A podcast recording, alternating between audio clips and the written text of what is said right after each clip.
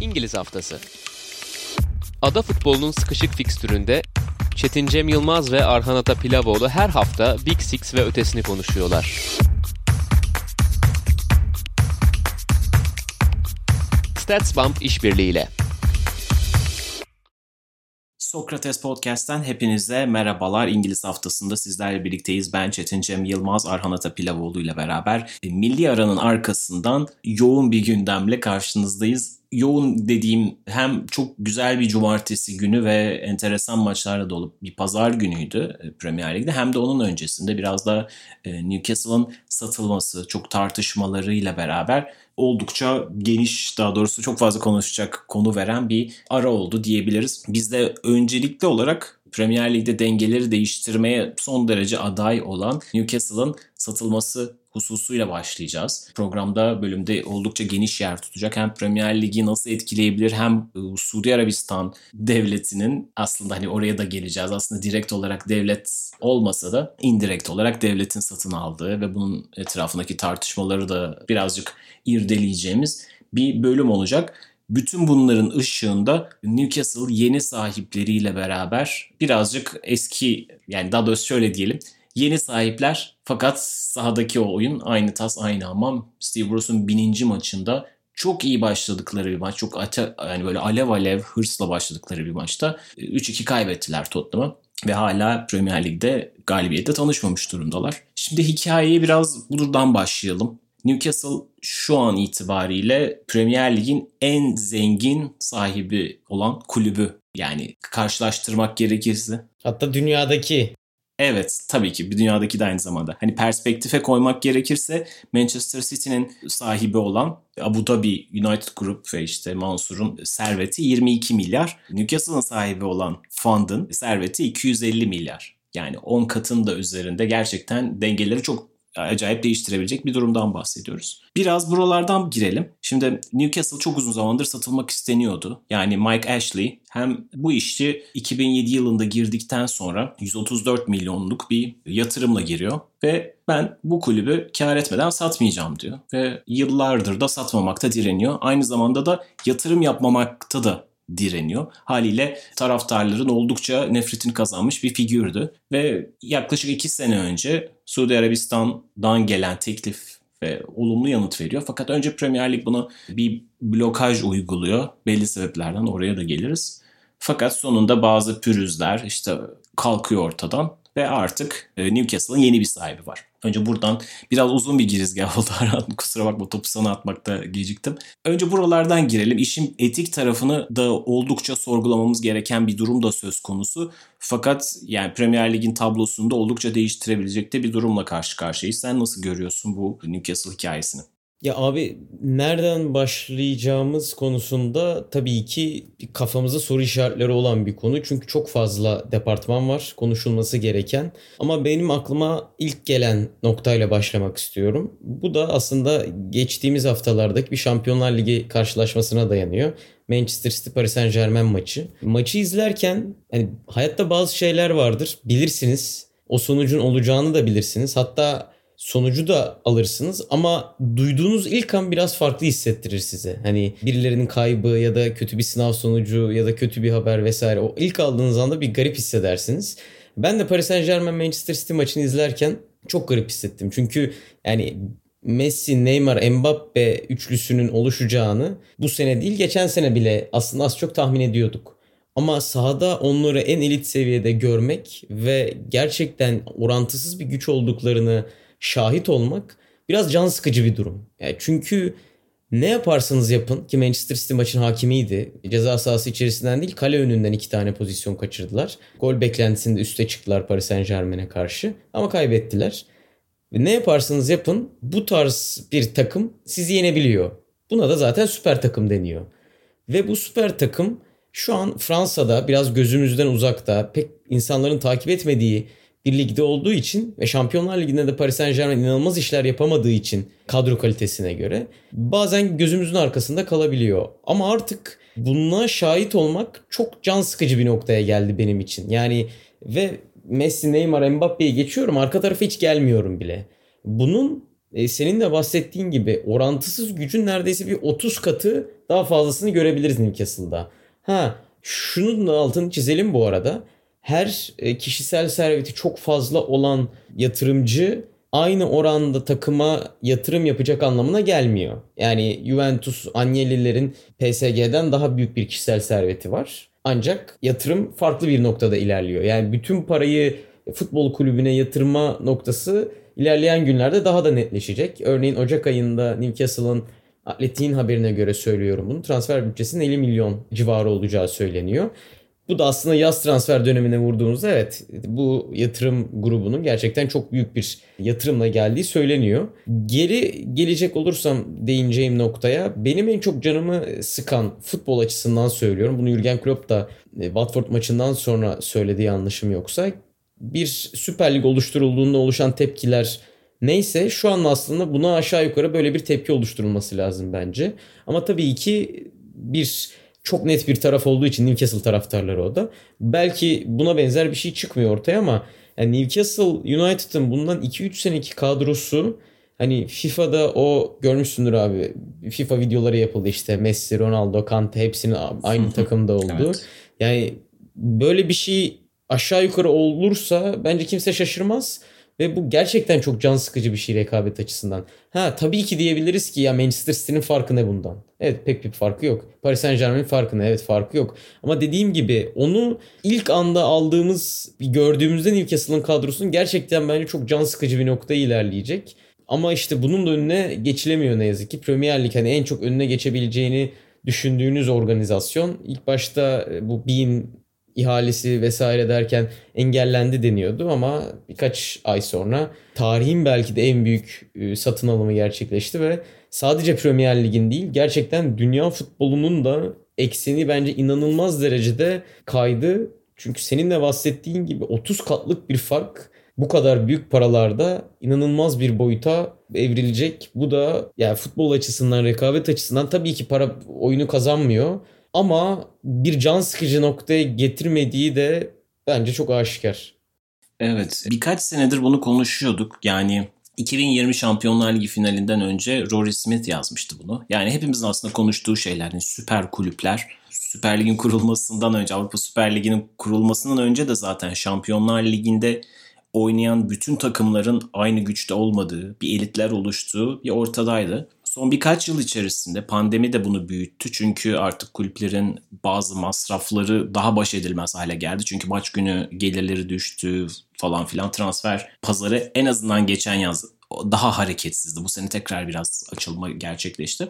2020 yılında Şampiyonlar Ligi finalinde yani yarı finali oynanırken de bundan sonra Paris Saint Germain'i buralarda göreceğiz. Hatta zaman içerisinde Chelsea, Manchester City ve Paris Saint Germain'den oluşan bir üçlü oligarşi Avrupa futboluna hükmedecek gibi öngörüleri vardı ve hani çok da tesadüfi olmayan bir şekilde bu sene Şampiyonlar Ligi finaline Manchester City ile Chelsea oynadı. Bu hem Manchester City'nin hem de Paris Saint Germain'in Jurgen Klopp'un deyimiyle ülkeler tarafından sahip olduğunu hatırlamak gerekiyor. Abramovich'in servetine tabii ayrıca belki değinmek gerekir. Çünkü o da Hani o da Rusya oligarşisine oldukça bağlı ama evet bir devlet tarafından sahip değil. Ama bahsedilen şey şu anda evet futbolda çok fazla para var. Premier Lig kulüpleri çok zengin. Fakat makas öyle açılıyor ki bu takımlar Real Madrid, Barcelona, Bayern Münih, Liverpool gibi kulüplere bile fark atabilecek seviyeye geliyor. Transfer bütçeleriyle olsun, işte harcama güçleriyle olsun. Şimdi bunların yanına Newcastle'ın da gelmesi söz konusu. Çünkü Newcastle'ın da bahsettiğin şey doğru tabii ki. Yani ülkenin zenginliğinin ne kadarı buraya yansıtılacak bu da bir merak konusu. Yani biz pek çok işte Malaga'sından Anjis'ine kadar çok fazla satın alınıp sonra da başarısız olmuş proje de görüyoruz. Belki Suudi Arabistan hükümeti bu işe bu kadar da asılmayabilir diye düşünebiliriz ama bu biraz naif bir düşünce olacak. Çünkü biz Katar'ın da Dubai'nin de bu işe neden girdiğini biliyoruz aslında. İşte sports washing denen spor yoluyla aklama projesinin bir parçası oluyor bu. Bu tip ülkeler özellikle insan hakları konusunda oldukça sicilleri bozuk olduğu için Batı'ya karşı kendilerinin işte soft power da denen bir şekilde imajlarını Batı'da yükseltme amacı olarak kullanıyorlar. Ve işte Katar'ın tüm hikayesini 2010'lardan beri belki 2000, 2000'lerin sonundan bu yana işte Qatar Foundation'la Barcelona'nın reklamlarını yapması olsun, kurdukları tesislere Avrupa'nın büyük kulüplerini getirmeleri olsun falan filan ve Dünya Kupası'na almalarına kadar giden o süreç daha sonrasında işte Paris Saint Germain'le ortaklıkları falan filan bütün bu projenin parçası olduğunu biliyoruz. Dubai tarafında da Manchester City için böyle bir şeyden söz, söz edebiliriz. Şimdi Suudi Arabistan söz konusu olunca iş iyice daha büyük bir hayal alıyor. Çünkü Suudi Arabistan'ın insan hakları ihlalleri yani bunu böyle yarıştırmak da tuhaf ama çok daha sicili oldukça daha kabarık. Bu yüzden Suudi Arabistan'ın Newcastle satın alması sürecinde pek çok insan hakları derneği, örgütü, işte Amnesty International başta olmak üzere buna karşı çıktı. Premier Lig'in buna izin vermemesi gerektiğini çünkü bunun çok bariz bir işte sport washing projesi olduğunu söyledim. İşte Türkiye'de katledilen gazeteci Cemal Kaşıkçı olayı olsun, Suudi Arabistan'daki çok katı şeriat sistemi olsun, kadınların araba kullanmasının bile birkaç sene öncesine kadar yasak oldu ve daha hani hala çok hafif bir şekilde yumuşatılmış olduğu bir ülkeden bahsediyoruz. Bir dolu insan hakları ihlali söz konusuyken Premier Lig üzerinden imajlarını aklayacakları bir projeye giriştiklerini görüyoruz. Şimdi işin en büyük soru işareti yaratan tarafı bu şu da söylenebilir. Şunu da daha doğrusu hatırlatmak gerekiyor. Bu proje dediğim gibi yaklaşık iki senedir vardı. Suudi Arabistan bir Premier Lig kulübü almaya ve Newcastle almaya çok uzun zamandır talip. Hatta 10 yıl öncesinde Manchester City'ye de talip olma projeleri, fikirleri olduğu yazılıyor. Fakat gerçekten ciddi olarak Muhtemelen City'nin başarısı da Paris Saint Germain'in başarısı da bunda ilham olmuştur.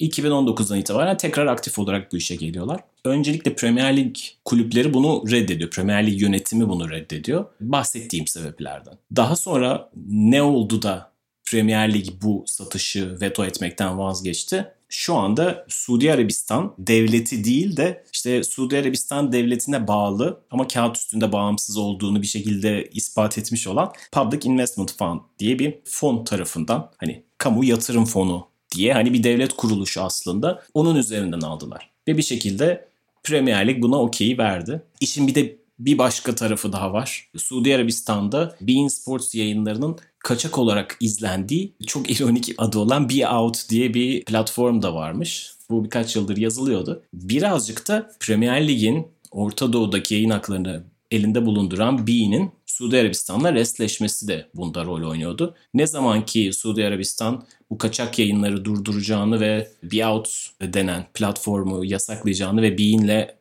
el sıkışacağını duyurdu. Bu işin de yolu açılmış oldu. Yani bütün bu girift ilişkileri falan filan düşününce zaten hani bizim çok saf futbol sevgisiyle izlediğimiz Premier Lig'e dair bir dolu kafa karıştırıcı, mide bulandırıcı detay ortaya çıkıyor. Bütün bunları da alt alta koyunca yani sahada göreceğimiz işte güç farkı, işte belki bütün yıldızları transfer edecekler. Belki Mbappe ile Haaland'ı şu anda belki 2020'lerin en büyük rüyası olan bu iki oyuncuyu aynı forma altında izleyebileceğiz belki. Ve hepsinin çıkış noktası bu. Geçtiğimiz hafta içerisinde gerçekleşen bu anlaşma olacak. Ben işin hani tüm güç dengelerinin ötesinde Premier Lig'in buna izin vermesini çok büyük hayal kırıklığıyla karşılarım. Daha doğrusu hayal kırıklığı biraz naif oldu. Çünkü Premier Lig gibi çok kar odaklı bir kuruluştan çok ciddi belki hani insani bir duruş beklememek lazımdı. Fakat yine de bu işe bu kadar çok göz yummaları. Ha Suudi Arabistan devleti değil miymiş? Suudi Arabistan'a bağlı bir bağımsız bir kuruluş muymuş? O zaman izin verelim diye bir tali yoldan hani yemiş gibi görünmelerini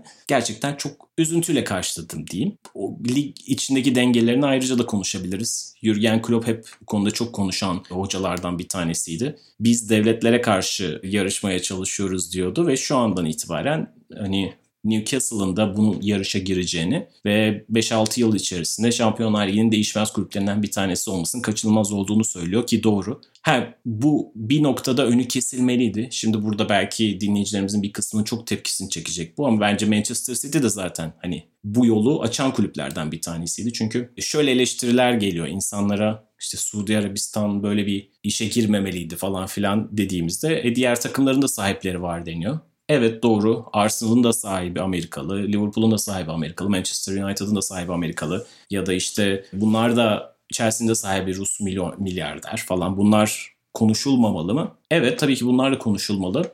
Eğer Abramovich gibi işte işin içinde karanlık bazı durumlar varsa bunlar da tabii ki engellenmeli. Fakat bir devlet Üstelik bahsettiğim gibi sports washing projesiyle bu bir işe girmiş bir devlet varsa ve insan hakları konusunda da sicili oldukça kabarıksa Premier Lig'in artık bir yerde buna dur demesi gerekiyor diye düşünüyorum ve demiyor demiyor ve işte gelinen nokta bu. Şu anda belki biraz abartılı bir durum gibi görünse de şimdi iki sene sonra Afganistan yönetimindeki Taliban da biz ya da 10 sene sonra biz de işte Blackburn Rovers'ı satın alıyoruz dese tabloya girse o zaman Premier Lig'in buna artık dur diyecek yüzü kalmamış gibi görünüyor. Çünkü şu anda artık bir yerde çizgiyi çekmediler ve olay buraya kadar geldi diye düşünüyorum. Kesinlikle abi yani bu süreç o anlamda benim de söylemek istediğime benzer bir şekilde ilerledi. Yani bunun sonu nerede bitecek ondan emin değiliz. Bir de aslında hani en çok İngiltere basınında konuşulan noktalardan bir tanesi de insan hakları noktası. Senin de az önce bahsettiğin gibi Suudi Arabistan'da kadın hakları sadece kadın hakları değil aynı zamanda LGBTQ komünitesine olan ülkenin genel tavrı İngiltere'de Premier Lig'deki taraftarların tepkisini çekmiş durumda. Burada yine bence değinmemiz gereken iki nokta var. Bir tanesi sadece tabii ki Suudi Arabistan'da olup biten bir şey değil bu. Manchester City'nin sahiplerinin ülkesinde de çok benzer bir durum var. Aynı şekilde Paris Saint Germain Katar birlikteliği de Hatta Dünya Kupası'nda işte Norveç'in protesto etmesi, Almanya'nın protesto etmesi aslında birbirine çok benzeyen ama nedense bazı noktalarda konuşulup bazı noktalarda konuşulmayan konular bunlar. Ya da işte Suudi Arabistan parasının İngiltere'de pek çok farklı yerde olması ama iş buraya gelince mi tartışma konusu oluyor gibi bir taraf da var bu konunun konuşulduğu anlarda. Ben aslında bu tarafı haksız bulmuyorum kesinlikle.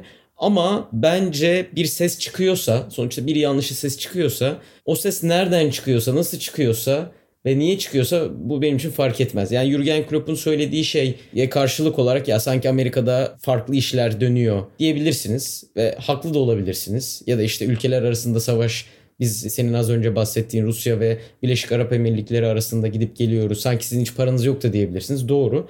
Ama Jurgen Klopp'un bunu bir şekilde belirtiyor olması bence değerli bir şey. Ve ben bunu alır öyle devam ederim yola. Yani İngiltere'de şu an insan hakları noktasında Suudi Arabistan'da yaşayan LGBTQ bireyler e, hakkında pek çok dosya yapıldı. Özellikle atletikte. Bunlara karşı ya denebilir ki işte sanki dediği az önce söylediğim gibi Birleşik Arap Emirlikleri'nde bu tarz bir insan hakkı muamelesi yok ya da Katar'da benzer işler dönmüyor denebilir. Kesinlikle haklı da olur bu görüş ama Demek istediğim şey benim burada. Ona da söylenmeli, buna da söylenmeli ve burada gündem sıcak olduğu için bunun söylenmesi ve buna karşı bir görüş belirtilmesi, bazı gerçekleri ortaya çıkartmak için yapılan gazetecilik bence çok değerli bir şey.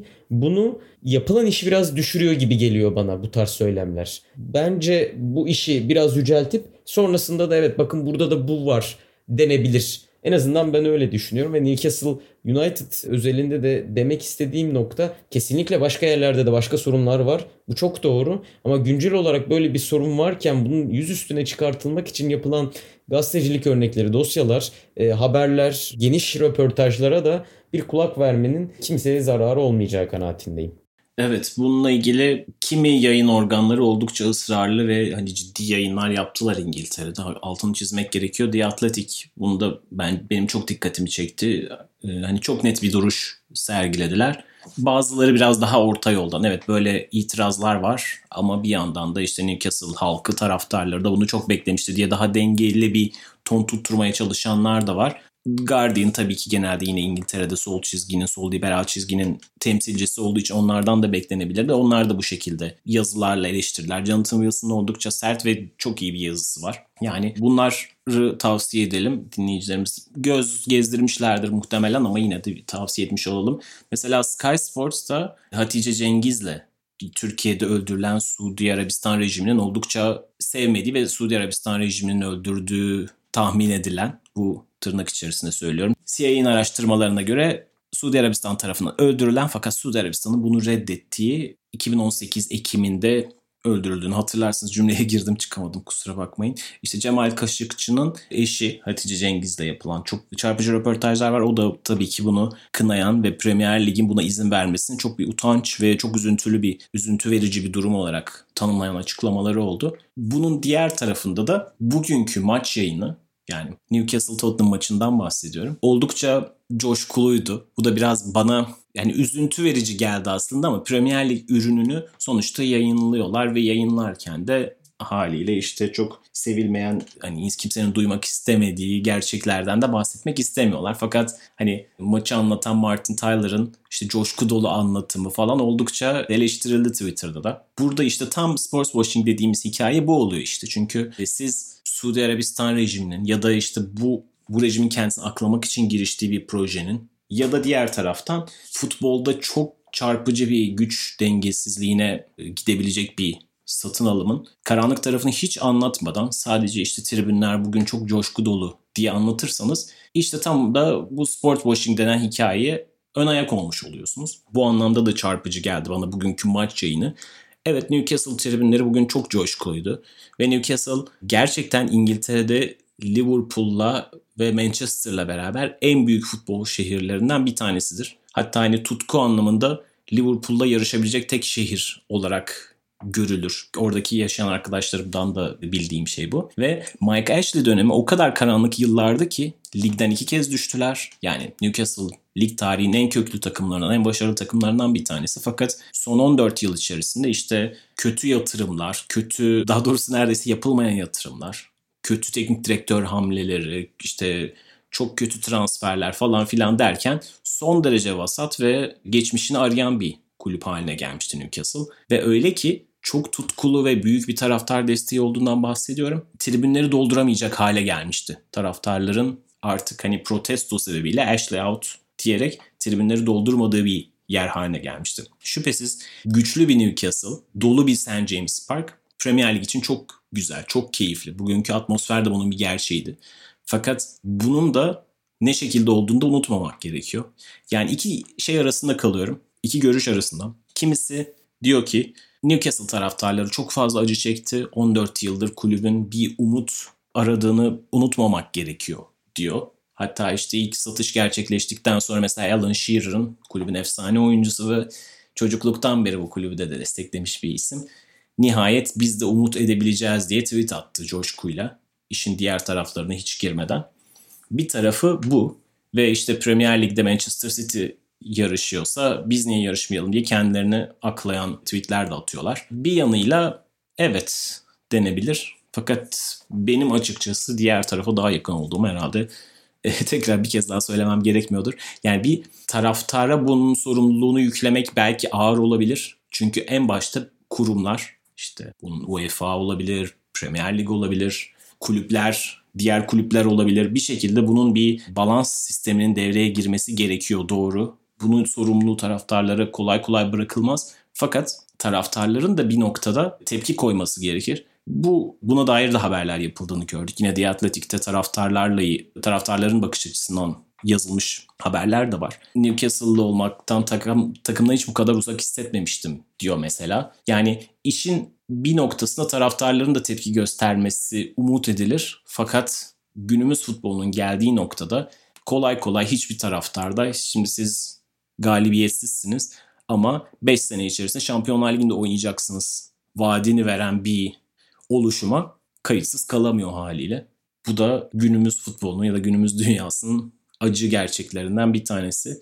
Yine de Newcastle'ın bugünkü tribünlerinde işte Suudi Arabistan bayrakları, Suudi Arabistan vatandaşı gibi giyinmiş olan taraftarlar falan görmek de gerçekten fazlasıyla canımı sıktı yani böyle hiç hoşuma gitmeyen bir dolu görüntü vardı.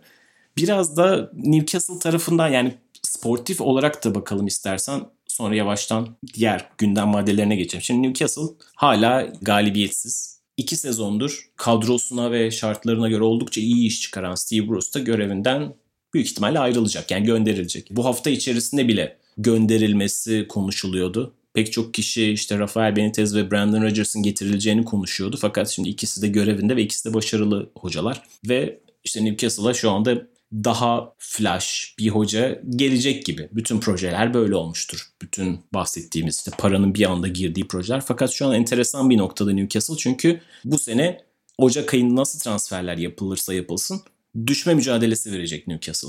Yani önümüzdeki bir, bir buçuk sene hatta yarım sene ve bir buçuk sene Newcastle için bir geçiş dönemi olacak. Haliyle bir anda Conte gibi bir hocanın mesela gelmesi pek de akla yatkın değil. Şu anda o geçiş sürecinin hocasını muhtemelen bulmaya çalışıyorlar. E, bu hafta kovulabilirdi dediğim gibi. Bu işi tamamlayamadılar. Ve bininci maçına çıkacağı Cuma günü açıklandı Steve Bruce'un. Steve Bruce'un menajerlik kariyerinde bininci maçıydı bu. Yani onun içinde bir Manchester United efsanesi olmasına karşın Newcastle taraftarı olarak doğmuş büyümüş bir isim Steve Bruce. Dolayısıyla onun da bininci maçta takımın başında olması şüphesiz hoş bir detaydı. Bütün bu karanlık hikayelerin ortasında pozitif detaylardan bir tanesiydi Steve Bruce'un oradaki kutlaması. Fakat kulübün yaptığı açıklama da hiç şey değildi yani. Steve Bruce'la yolumuza devam edeceğiz değil. Bu tip şeyler zaman alıyor diye yani hani merak etmeyin biz bu adamla yolları zaten ayıracağız anlamına gelen bir ifadeyle beraber bininci maça Steve Bruce çıkacak deniyor ama bin birinci maçına da çıkacak mı bunu bilmiyoruz. Yani bu hafta içerisinde her şey değişebilir çünkü çok hızlı gelişiyor bütün olaylar. Buradan işte yani Newcastle'ın sezonuna dair sana da pası atayım. Sen Newcastle'ın hani kısa vadede, orta vadede nasıl etkilenmesini bekliyorsun? Mesela şimdi az önce yayına girmeden önce seninle konuşuyorduk. Newcastle şu anda kendisini küme düşmüş olarak bulsa bu proje bambaşka bir yere gidecek belki. Nasıl görüyorsun Newcastle'ın sezonunu kısa vadede ve orta vadede nasıl etkileyecek sence bu durumlar? Evet abi biraz konuştuk yayına girmeden önce de. Bence yani Newcastle United bu sezon bu satın alma gerçekleşsin gerçekleşmesin küme düşmeyecek. Küme düşeceklerini sanmıyorum. Yani aday gibi duruyorlar evet doğru. Ama yani Norwich ve Watford'un ben kadro kalitesi olarak çıkamayacağını düşünüyorum. Oraya gelecek üçüncünün de nedense Newcastle olacağını pek sanmıyorum. Ha, olabilir adaylardan biridir doğru ama benim düşüncem öyle. Evet parlak da bir oyun yok. Belki bu, bu hafta çok hızlı başladılar ama bu hafta o taraftarın önünde tabii ki hızlı başlayacaklar. Beni biraz düşündüren nokta şu. E, Steve Bruce gönderilmek isteniyor doğru ama yazın muhtemelen yeniden bir teknik direktör değişikliği yapabilir Newcastle. Çünkü şu an ismi geçen teknik direktörler çok parlak, çok yüksek profil isimler değil. Favre geçiyordu. Gelir mi emin değilim. Frank Lampard geçiyor. Bu geçişi yapabilecek teknik direktör olarak onun ismi geçiyor.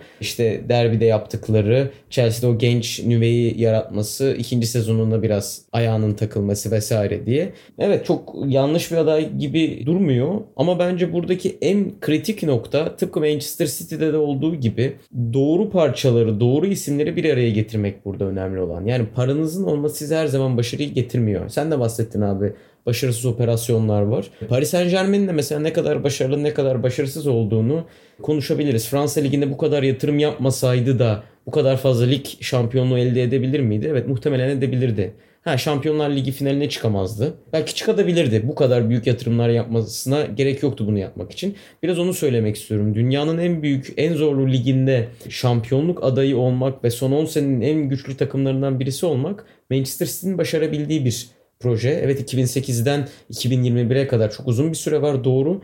Ama bence Manchester City'nin bu işleyiş süreci özellikle Guardiola geldikten sonra Çiki Begirişteyan ile birlikte Ferran Soriano ile birlikte gerçekten çok başka bir boyuta ilerledi.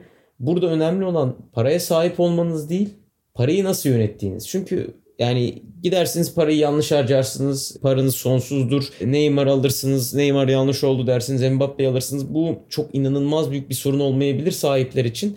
Ama bir süreklilik, bir kültür yaratabilmek için doğru isimlere güvenmeniz gerekiyor. Pep Guardiola'nın göreve geldiği günden beri söylediği bir şey var. Ben bu şampiyonlukları tek başıma kazanmadım. Bu şampiyonlukları kazanmamın en büyük sebebi kulübün ve yöneticilerin benim arkamda durması diyor. Tabii ki Guardiola böyle biraz abartılı açıklamalar yapmayı seven bir isim ama kesinlikle bir haklılık payı da var. Ona istediği ortamı sağlamasalardı, bu kadar ona güvenmeselerdi muhtemelen Pep Guardiola bu kadar iyi takımlar yaratamayacaktı Manchester City'de. Çünkü ilk sezonunda yaşadığı sıkıntıları hatırlıyoruz. İkinci sezonda ortaya çıkan inanılmaz takımı da hatırlıyoruz.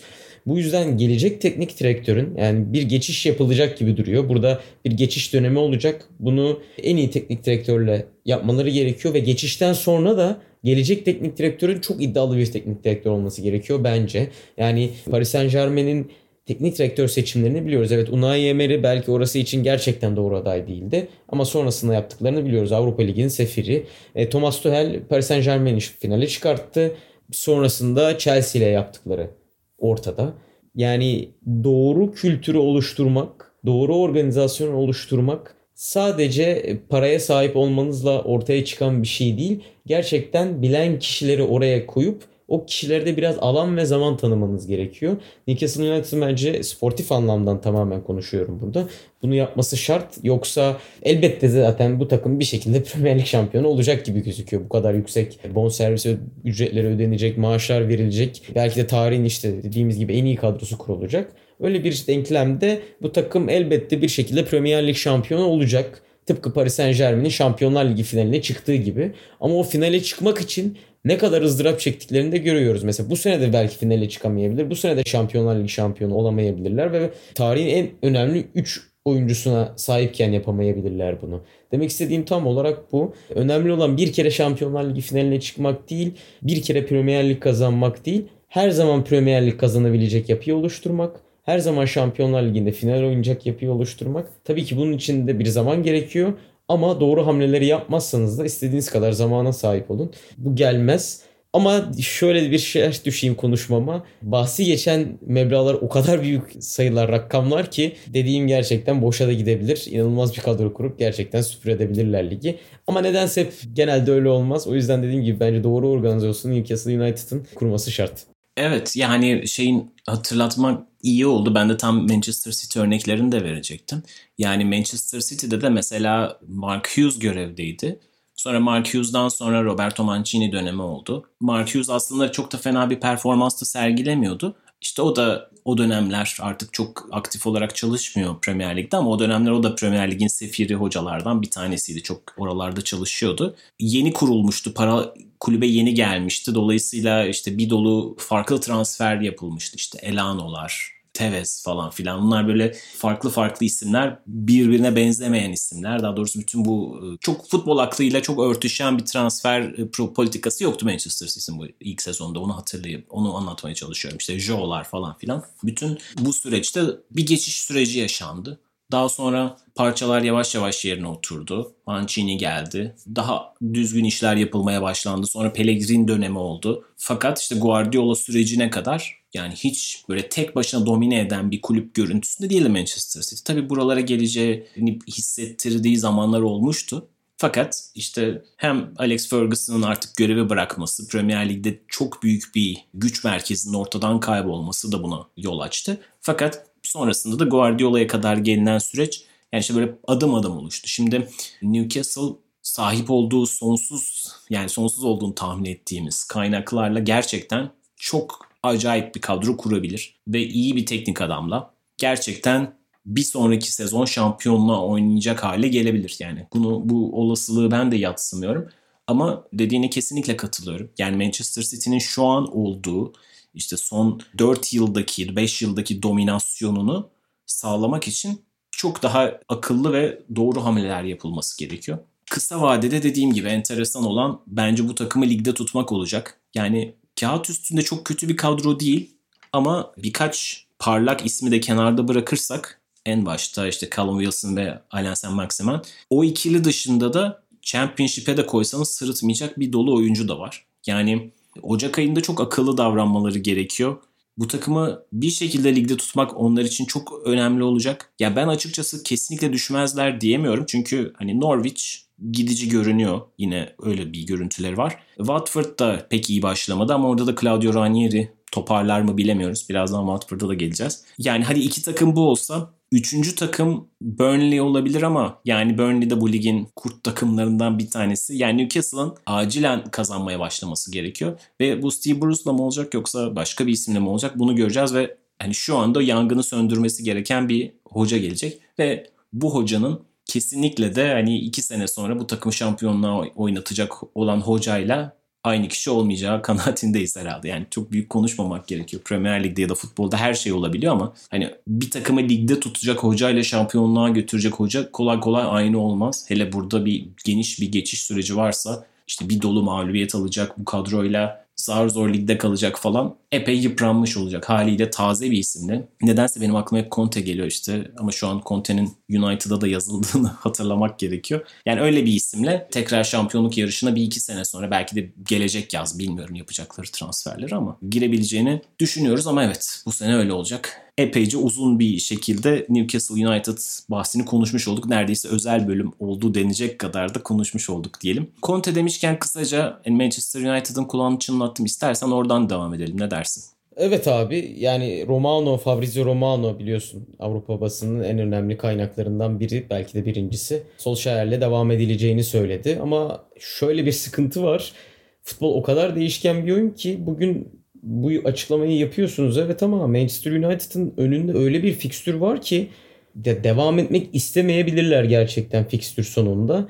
Şöyle bir şart düşüyorum konuşmaya başlamadan önce. Solskjaer Manchester United kariyerinde ne zaman böyle bir ortamda bulunsa çok iyi hatırlıyorum geçen sene Şampiyonlar Ligi maçından bir sonraki Everton maçı olması lazım. Kaybederse görevden kesin alınacak deniyordu. Kazandı. Ve bu e, Solskjaer'in gerçekten alameti farikası oldu United'da. Benzer bir fikstüre giriyor ama gerçekten bu fikstür öyle kolay kolay çıkabileceği bir fikstür değil. E, hemen bir hatırlatayım. Atalanta ayacaklar iki gün içerisinde. Ardından Liverpool, Tottenham, yeniden Atalanta, Manchester City. Yani Tottenham'ı da toparladı. Son 3 resmi karşılaşmadan galip geldiler. Liverpool zaten Liverpool. Atalanta üst üste 2 tane ve Manchester City. Büyük maçları evet hedef maçları iyi oynayan bir Manchester United var doğru. Ama Leicester mağlubiyeti gerçekten onları sarstı. Ligde 3 maçtır kazanamıyorlar ve resmi maçlarda da aslında 5 maçtır kazanamıyor olabilirlerdi. Bir yere son anda geçtiler. Hatta 6 olabilirdi. West Ham'ın da son anda geçtiler. Uzun süredir konuştuğumuz ne varsa Manchester United'da devam ediyor ve her maç yeni bir sorunu daha da belirgin bir şekilde görüyoruz. Yani bu maçın da özelinde savunmada ortaya çıkan sorunlar iyiden iyiye belirginleşti. Özellikle duran top savunmasında çok bariz yerlerde çok bariz hatalar yapıldı ve her zaman o bahsettiğimiz orta sahadaki oyun, orta sahadaki eksik kendini göstermeye devam ediyor. İyi bir kadro evet ama doğru bir kadro mu? Yine benim soru işaretlerim devam ediyor ki aslında sonuçlar da birbiriyle kendini örtüştürüyor. Evet ben de yani tam bunlardan bahsedecektim. Güzel toparladın. Ağzına sağlık. Yani haftalardır aslında konuştuğumuz ne varsa onlar devam ediyor. Yani biz United'ın sağlam, bir dengeli, her zaman güvenebileceği bir oyun olmadığını ilk günden beri konuşuyorduk. Yani burada ben demiştim muhabbeti yapmıyorum ya da biz demiştik muhabbeti yapmak istemiyorum. Çünkü her hafta konuşunca bazı şeylerde feci yanıldığımız şeyler de olabiliyor. Normal yani sonuçta çok değişkenli, çok bilinmez bir oyundan bahsediyoruz ama Manchester United'ın diğer şampiyonluk adaylarına hatta yani Tottenham'ı da katabiliriz.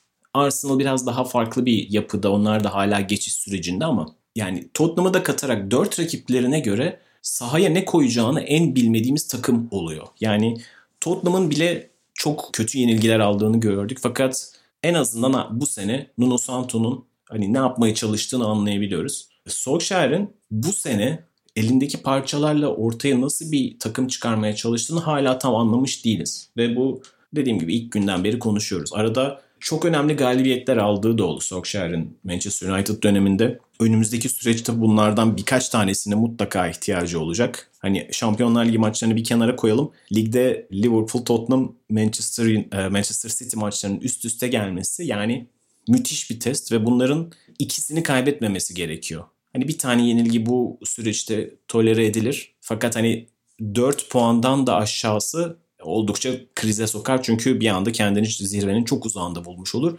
Şu anda Solskjaer'in ne bileyim Mourinho'dan devraldığı dönemdeki Manchester United yok. Artık bu takıma Varane geldi, Sancho geldi, Cristiano Ronaldo geldi. Yönetim ondan kesinlikle şampiyonluk bekliyor. Dediğin gibi güven oyunu almış durumda. Fakat gerçekten ortada bir problem olduğunu söylemek gerekiyor. Yani United'ın işte Bruno Fernandes'in ya da Cristiano Ronaldo'nun şapkadan tavşan çıkarmadığı zamanlarda arkasını yaslanabileceği bir oyunu olmadığını hep konuşuyorduk ve işte bu kendi göstermeye başladı. Ama senin de düştüğün şerh çok dikkat çekici. Manchester United'a ilk geldiği günden beri hep bu maçları çok daha iyi oynadı Solskjaer'in takımı. Özellikle Liverpool'u son yıllarda en çok zorlayan takım şampiyonluk senesinden bu yana hep Manchester United oldu. Yani sahasında dolu bir Old Trafford'da Liverpool'u ki Liverpool'da çok formda gidiyor hedefleyeceklerdir. Çok iyi bir maç olacağı garanti. Yani Premier Lig'de son yılların en görkemli fikstürü Liverpool Manchester City olsa da tarihsel olarak İngiltere'nin en büyük rekabetinden bahsediyoruz. Çok iyi bir maç olacağı garanti ve hem Liverpool'un formu özellikle Salah'ın formu hem de Manchester United'ın kötü gidişi bu maçı çok dikkat çekici bir hale sokuyor gibi görünüyor. Şüphesiz çok dikkat çekici bir karşılaşma olacak her zaman olduğu gibi. Liverpool'da bu hafta Watford deplasmanında çok farklı kazandı. Birazdan Liverpool ve Manchester City ile ilgili bir detay gelecek senden. Ama onun öncesinde kısaca Watford'da konuşalım istersen. Watford şu anda puan olarak daha nispeten en alttaki takımlara göre daha rahat görünse de aldıkları bir galibiyetin avantajıyla pek de iyi işaret vermiyor ve Claudio Ranieri ilk maçında da çok ağır bir yenilgi aldı. Sen nasıl gördün Watford'u? Watford'u ne yazık ki hiç iyi görmedim abi. Yani çok sorunlu bir yapı vardı sahada.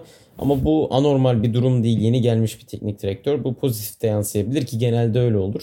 Ama bu maç özelinde kesinlikle negatif yansımıştı. Çünkü bir kopukluk vardı sahada. Bu çok net bir şekilde anlaşılıyordu.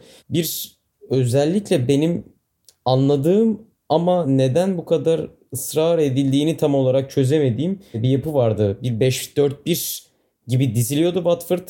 Adam Messina, e, Trent Alexander-Arnold'un ikinci, üçüncü bölgeye geldiğini direkt birebir eşleşmeyle ona gidiyordu. Danny Rose biraz sol stoper gibiydi. Evet ama bu kopukluk bence çok maç içerisinde gözüktü. Yani bazen kanat gibi oluyordu. 4-4-2 gibi diziliyorlardı. Bazen 5-4-1 gibi, bazen 5-3-2 gibi.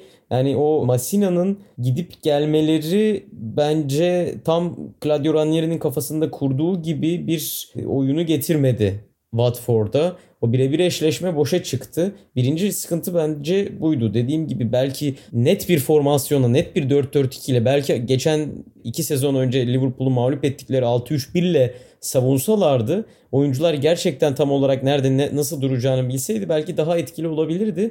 Çünkü bunu şuradan devam ettireceğim. İlk yarının ortalarında Claudio Ranieri hatta başında bile olabilir. Başındaydı. 5 ya da 10. dakika arasında bir yerde Kameralar Ranieri'ye döndü ve Ranieri takımına biraz daha dar olun, nero olun, nero olun diye uyarılarda bulundu.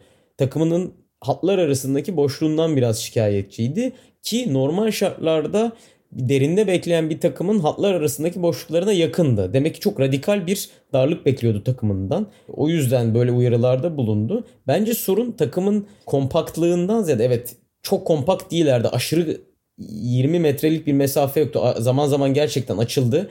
Kabul ediyorum. Ama bence oradaki esas sorun hatlar arasındaki mesafeden ziyade hatlar arasına oyuncunun girip çok rahat topla buluşmasıydı. Ya bir sanki konsantrasyon problemi çok barizdi ki Firmino'nun attığı gollere bakalım. Üçünde de Firmino gol atacağını birkaç saniye önceden anlıyor. Ayağını uzatıyor zaten birkaç saniye önceden. İkinci golü yanlışım yoksa tamamen zaten Ekonk'la orada kimdi? Feminielli galiba. Kiko ile yaptığı bir iletişim hatasından dolayı doğdu. Genel olarak Watford'u o açıdan çok dağınık gördüm.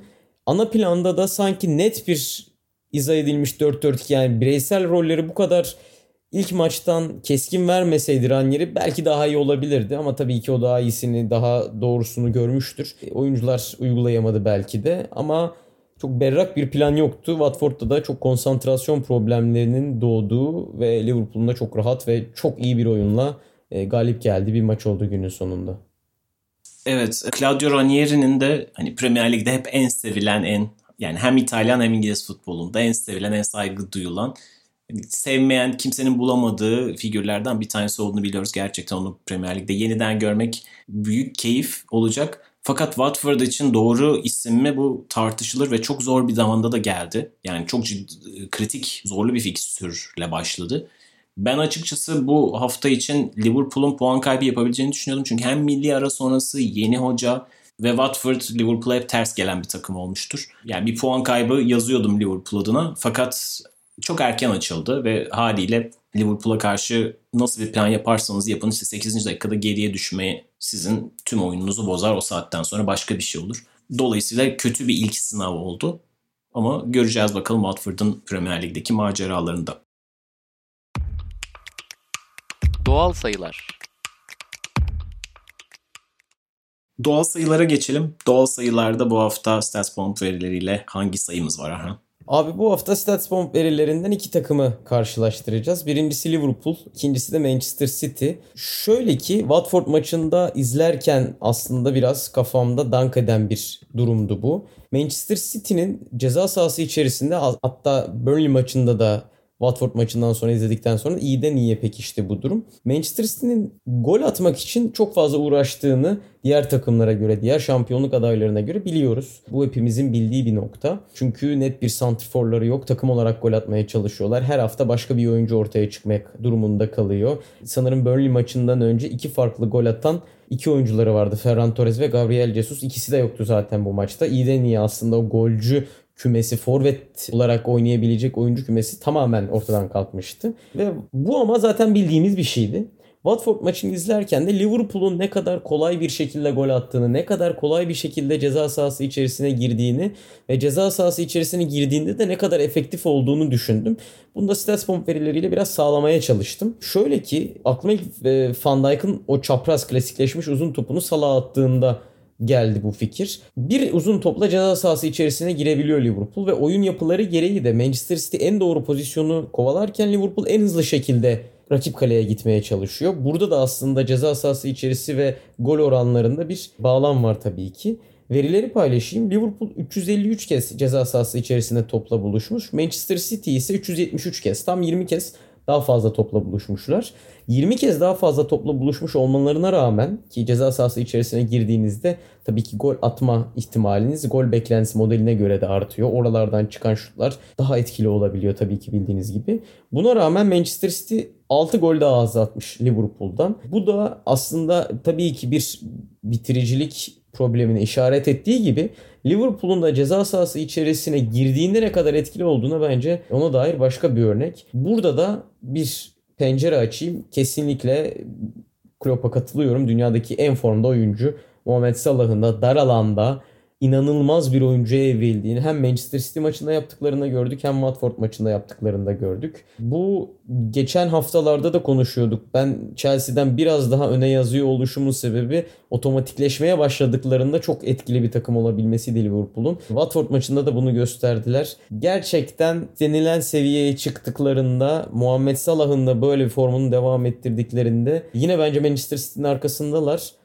Ama ikincilik konusunda Chelsea'yi eğer bu form devam ederse geçecekler gibi duruyor bana kalırsa. İkincilikten kastım bu arada şampiyonluk için ikinci aday yani 1-2 değil. City'nin ardından hemen Liverpool'u yazacağım gibi duruyor. Evet gerçekten Muhammed Salah'ın son haftalardaki formu yani bu sezonki formu çok acayip. Attığı goller de çok özel. Gerçekten prime Messi seviyesinde işler yapıyor.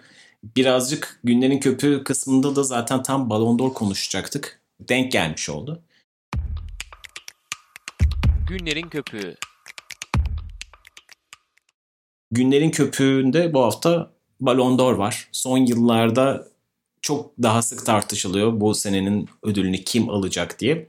Bu yıl oldukça ortada bir ödül olacağını tahmin ediyoruz. Yani işin içinde işte Lewandowski'ler var, Benzema konuşanlar var. Birazcık Chelsea'nin ve İtalyan milli takımının geçirdiği son derece başarılı sezonları düşününce Jorginho ismi de öne çıkıyor. Fakat bu hafta sonu Edouard Mendy'nin performansı ve Ballon d'Or aday listesinde kendi yer bulamaması sonucu bu olayda oldukça tartışıldı. Bir kaleci Ballon d'Or kazanabilir mi diye ve neden kazanamıyor diye daha doğrusu. Çok uzun yıllardır aday görü, görülmüyorlar. Yani son yıllarda bir tek Neuer'in son finale kaldığı bir sene olmuştu ama onu da kazanamadı. Ve bütün bunlar düşünüldüğünde Edouard Mendy'yi şöyle bir konuşalım. Birazcık da Ballon d'Or adayları üzerinden daha doğrusu ihtimalleri üzerinden konuşalım istedim. Brentford Chelsea maçı aslında yani Liverpool Brentford Liverpool maçından o kadar da farklı değildi. Baktığınızda bir maç 3-3 bir maç 1-0 bitti. Fakat Brentford Liverpool'u her seferinde cevap vererek maçı bir düelloya çevirmişti. Chelsea ikinci golü atmak zorunluluğuyla karşı karşıya kalmadı ve bunda en büyük pay sahibi Mendy'di. Gerçekten olağanüstü bir performans sergiledi. Yani maçın gol beklentilerine, şut sayılarına falan baktığınızda bu maçın 1-0 Chelsea galibiyetiyle bitmesi gerçekten inanılmazdı ve hemen sonrasında hem Twitter'da hem sosyal medyada diyelim genel olarak Mendy'nin neden Ballon d'Or adayı olmadığı, neden bu oyuncunun neden bir kalecinin Ballon d'Or'a layık görülmediğini en azından aday listesinde bile olmadığını konuşmaya başladılar. Mesela Sadio Mane bile Mendy'ye bir övgü dolu bir post attı falan neden Ballon d'Or adayı değil diye. Gerçekten Chelsea yani 2021 yılından 2020-21 sezonu birazcık ama 2021 yılından bir oyuncu öne çıkacağında Chelsea'den ve İtalya'dan öne çıkması mantıklı doğru. Fakat Chelsea'nin takım yapısı dolayısıyla bir tane oyuncunun parlaması çok kolay değil. Çünkü çok belirgin bir golcüleri yok. Genelde böyle takımlarda ya işte çok parlak golcüsü ya da süperstar varsa o öne çıkıyor. Ya da son yıllarda işte Modric örneğinde olduğumuz gibi oyun kurucusuna çıkıyor. Bu yüzden Jorginho birazcık da İtalya'nın başarısının etkisiyle öne çıkmıştı. Fakat gerçekten Chelsea adına Mendy'nin de bu konuşmalarda yer bulması gerekiyor gibi. Ne dersin? Abi şöyle bir soruyla aslında devam ettireyim sohbeti. Jurgen Klopp'un Salah için dediği dünyadaki en formda oyuncu o şu an diye. Pek düşünmedim. Aklıma da gelmedi birisi. Sence dünyadaki en formda kaleci Mendy midir? Hmm, düşünmemiştim ama olabilir gerçekten. Yani Hatta öyle galiba evet. Yani bana da biraz öyle geldi. Pek Oblak'ın performansını La Liga'yı çok sıkı takip etmediğim için bilmiyorum. Çünkü Şampiyonlar Ligi evresinde gerçekten inanılmaz işler çıkartıyor da. Ama herhalde form konusunda Premier Lig'deki en iyi kaleci o kesin. Daha farklı isimler de var ama özellikle Brentford maçıyla çok önemli bir yere geldi. Ballon d'Or konusu da ilginç bir konu. Hani kupa kazanan kişilere genellikle verilmesiyle ünlendi iyice. O yüzden bence Mendy'nin de aday olarak görülmesinde çok büyük bir beis yok. Yani neye göre verildiğini tam olarak kavrayamadım çünkü ben ödülün. Arada işte Luka Modric'in devreye girmesiyle birlikte Messi Ronaldo o kadar domine etti ki ödülü. Şundan spesifik olarak veriliyor diyebileceğim tek kriter gerçekten çok kupa kazanmak o sezon. Yani bireysel olarak inanılmaz bir sezon geçirseniz de Örneğin Ronaldo açısından konuşayım. Sadece La Liga'yı kazandıysa ödülü alması zorlaşıyor da Messi için sadece Kral Kupası'nı kazandıysa, La Liga'yı kazandıysa kazanması zorlaşıyor. O zaman da bakınca tam tersi Modric örneğinde işte Dünya Kupası finali, Şampiyonlar Ligi diyorsunuz ki o zaman işte Jorginho'nun alması lazım, Kante'nin alması lazım. Eğer bu iki isim gündemde bu kadar varsa e, bence Mendy de olsun o zaman. Yani e, çok önemli işler yapıyor. Dediğim gibi ben aşırı fazla önemsemiyorum bu ödülü. Çünkü zaten ya o sezon inanılmaz performans, bireysel performans gösteren oyuncular yeteri kadar bence övülüyor. Tabii ki önemli bir ödül ama benim kazanamadığına üzüldüğüm tek isim şu ana kadar Robert Lewandowski oldu. Onun da bu sene geçen sene alamadığı için e, alması gerektiğini düşünüyorum. Umarım o bu sene alır ve o inanılmaz performansı bu kadar uzun süredir devam eden tek senelik değil çok uzun süredir elit seviyede bir forvet olarak kalıyor oluşu en azından böyle bir ödülle taşlandırılır diyeyim.